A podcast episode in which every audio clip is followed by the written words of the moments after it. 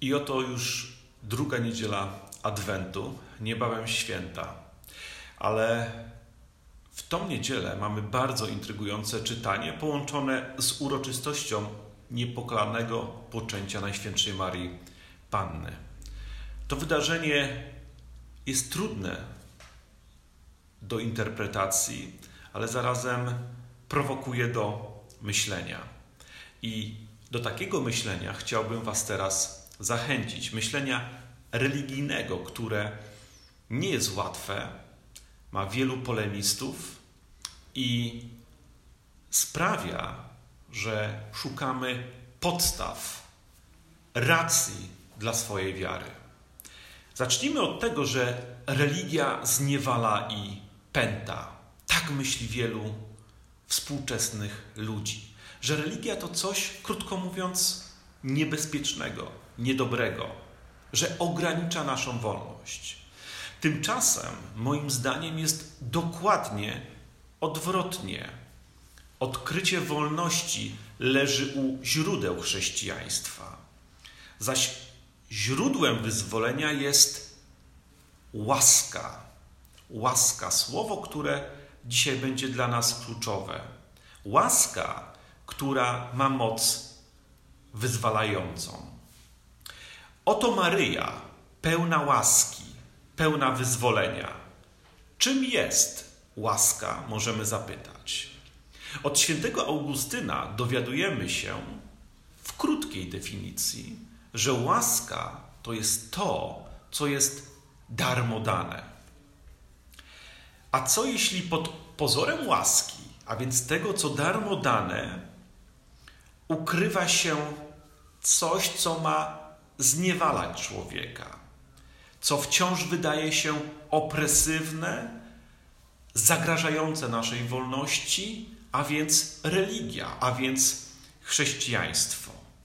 Bo zobaczmy, zaglądając do dzisiejszych czytań, czy Maryja miała wybór, czy Maryja miała wyjście Czyż Bóg, dla którego nie ma nic niemożliwego, nie ma nic niemożliwego, zostawia nam wolność, tak jak właśnie Maryi, przerażonej niewieście, która dowiaduje się, że oto będzie matką Zbawiciela. Wyobrażacie sobie ten szok, to zaniepokojenie, ten dramat kobiety zanurzonej we współczesną wtedy kulturę, jej współczesną, że oto będzie, będzie matką? Oczywiście, to jest coś, co wydaje się absurdalne. Czy zatem rzeczywiście Bóg zostawia nam wolność? Czy daje nam możliwość wyboru, czy też, jak twierdzą niektórzy, jest jak taki demiurg, który wykorzystuje nas dla swojego planu i przesuwa nas niczym dobry szachista figury na szachownicy.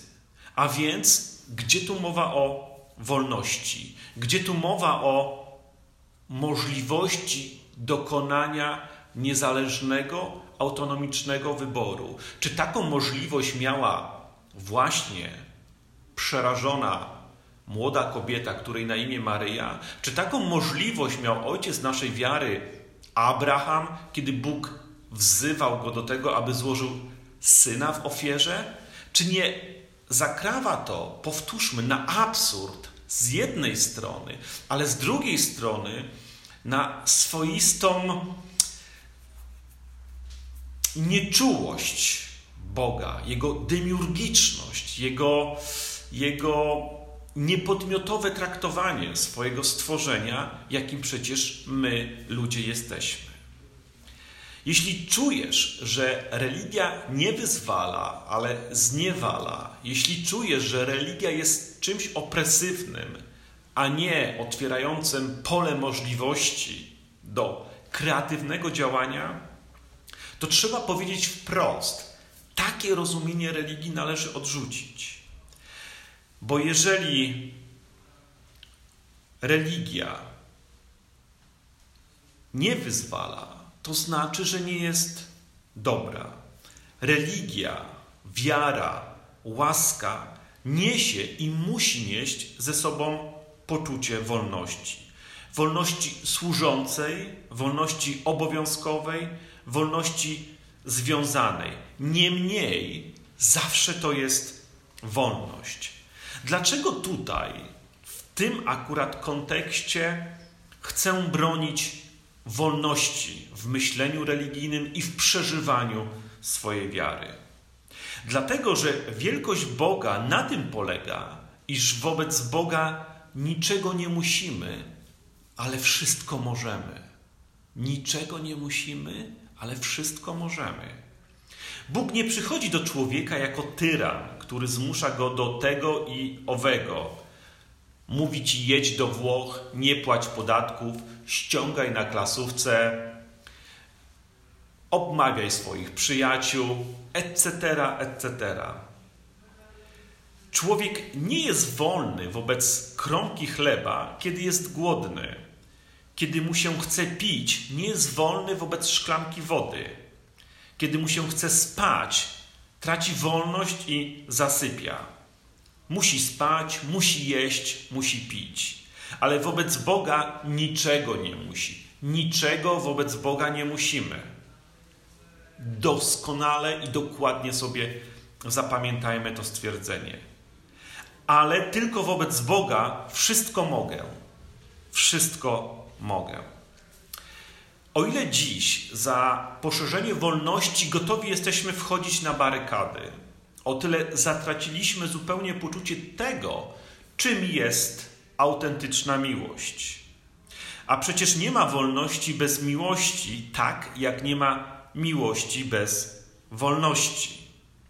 By ten problem rozwikłać bez żadnej intelektualnej taryfy ulgowej, proponuję następną analizę. Porównajmy dwie postacie: Abrahama i Adama. Co robi Adam, kiedy Bóg wzywa go po imieniu? Ucieka, chowa się do kryjówki, ma poczucie wstydu, coś zrobił nie tak. Co robi Abraham w takiej samej sytuacji, kiedy Bóg wzywa go do złożenia syna w ofierze?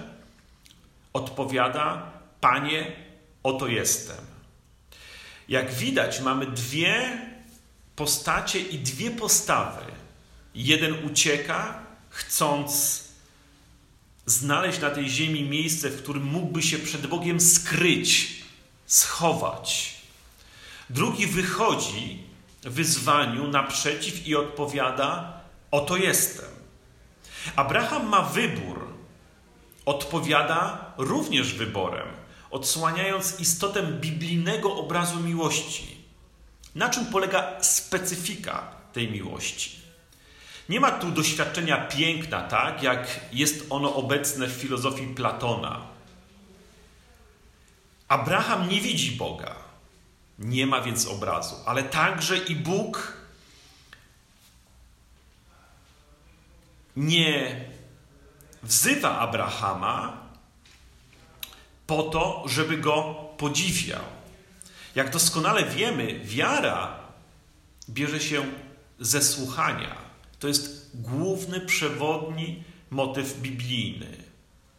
A więc Abraham nie podziwia Boga, ale i Bóg nie podziwia Abrahama. Wszystko rozgrywa się tutaj w rejestrze słuchu, mowy, języka.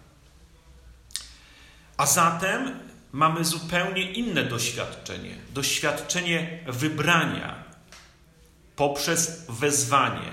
Miłość jawi się tu jako właśnie wybranie. Kochać znaczy wybrać, wyodrębnić, wyosobnić, sprawić, że dana osoba wybrana czuje się tak, jakby była jedyną i najważniejszą osobą na świecie. Jaka władza dokonuje tutaj wyboru? Mówimy wola człowieka.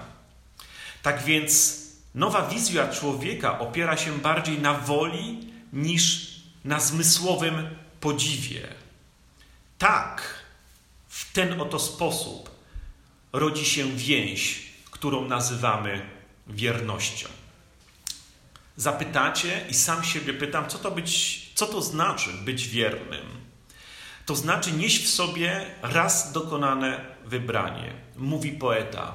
Uczyniwszy na wieki wybór, w każdej chwili wybierać muszę. Miłość oznaczałaby zatem wierność.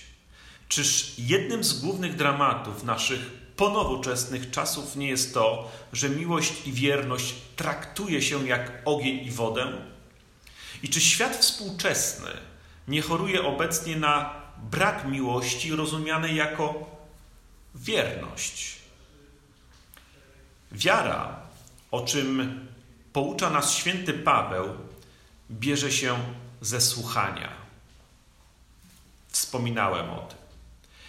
Kogo mamy jednak słuchać? Odpowiedź jest banalna. Boga. No tak, ale zapytamy, jakiego Boga mamy słuchać? Nie Boga Pana i sędziego, nie Boga tyrana, nie Boga wiecznego podglądacza i czyhającego na nasze potknięcia, nie Boga rozumu filozofów, nie Boga opasłych ksiąg teologów, ale Boga, który zawsze objawia się tam, gdzie dochodzi do spotkania dwojga ludzi. Tam, gdzie trzeba zaufać i uwierzyć. Powtórzmy tekst dzisiejszej Ewangelii. Dla Boga bowiem nie ma nic niemożliwego. Jeśli odpowiemy razem z Maryją, oto ja, służebnica Pańska, niech mi się stanie według słowa Twego. Twojego słowa, bo wierzę i ufam, że jest to słowo dobre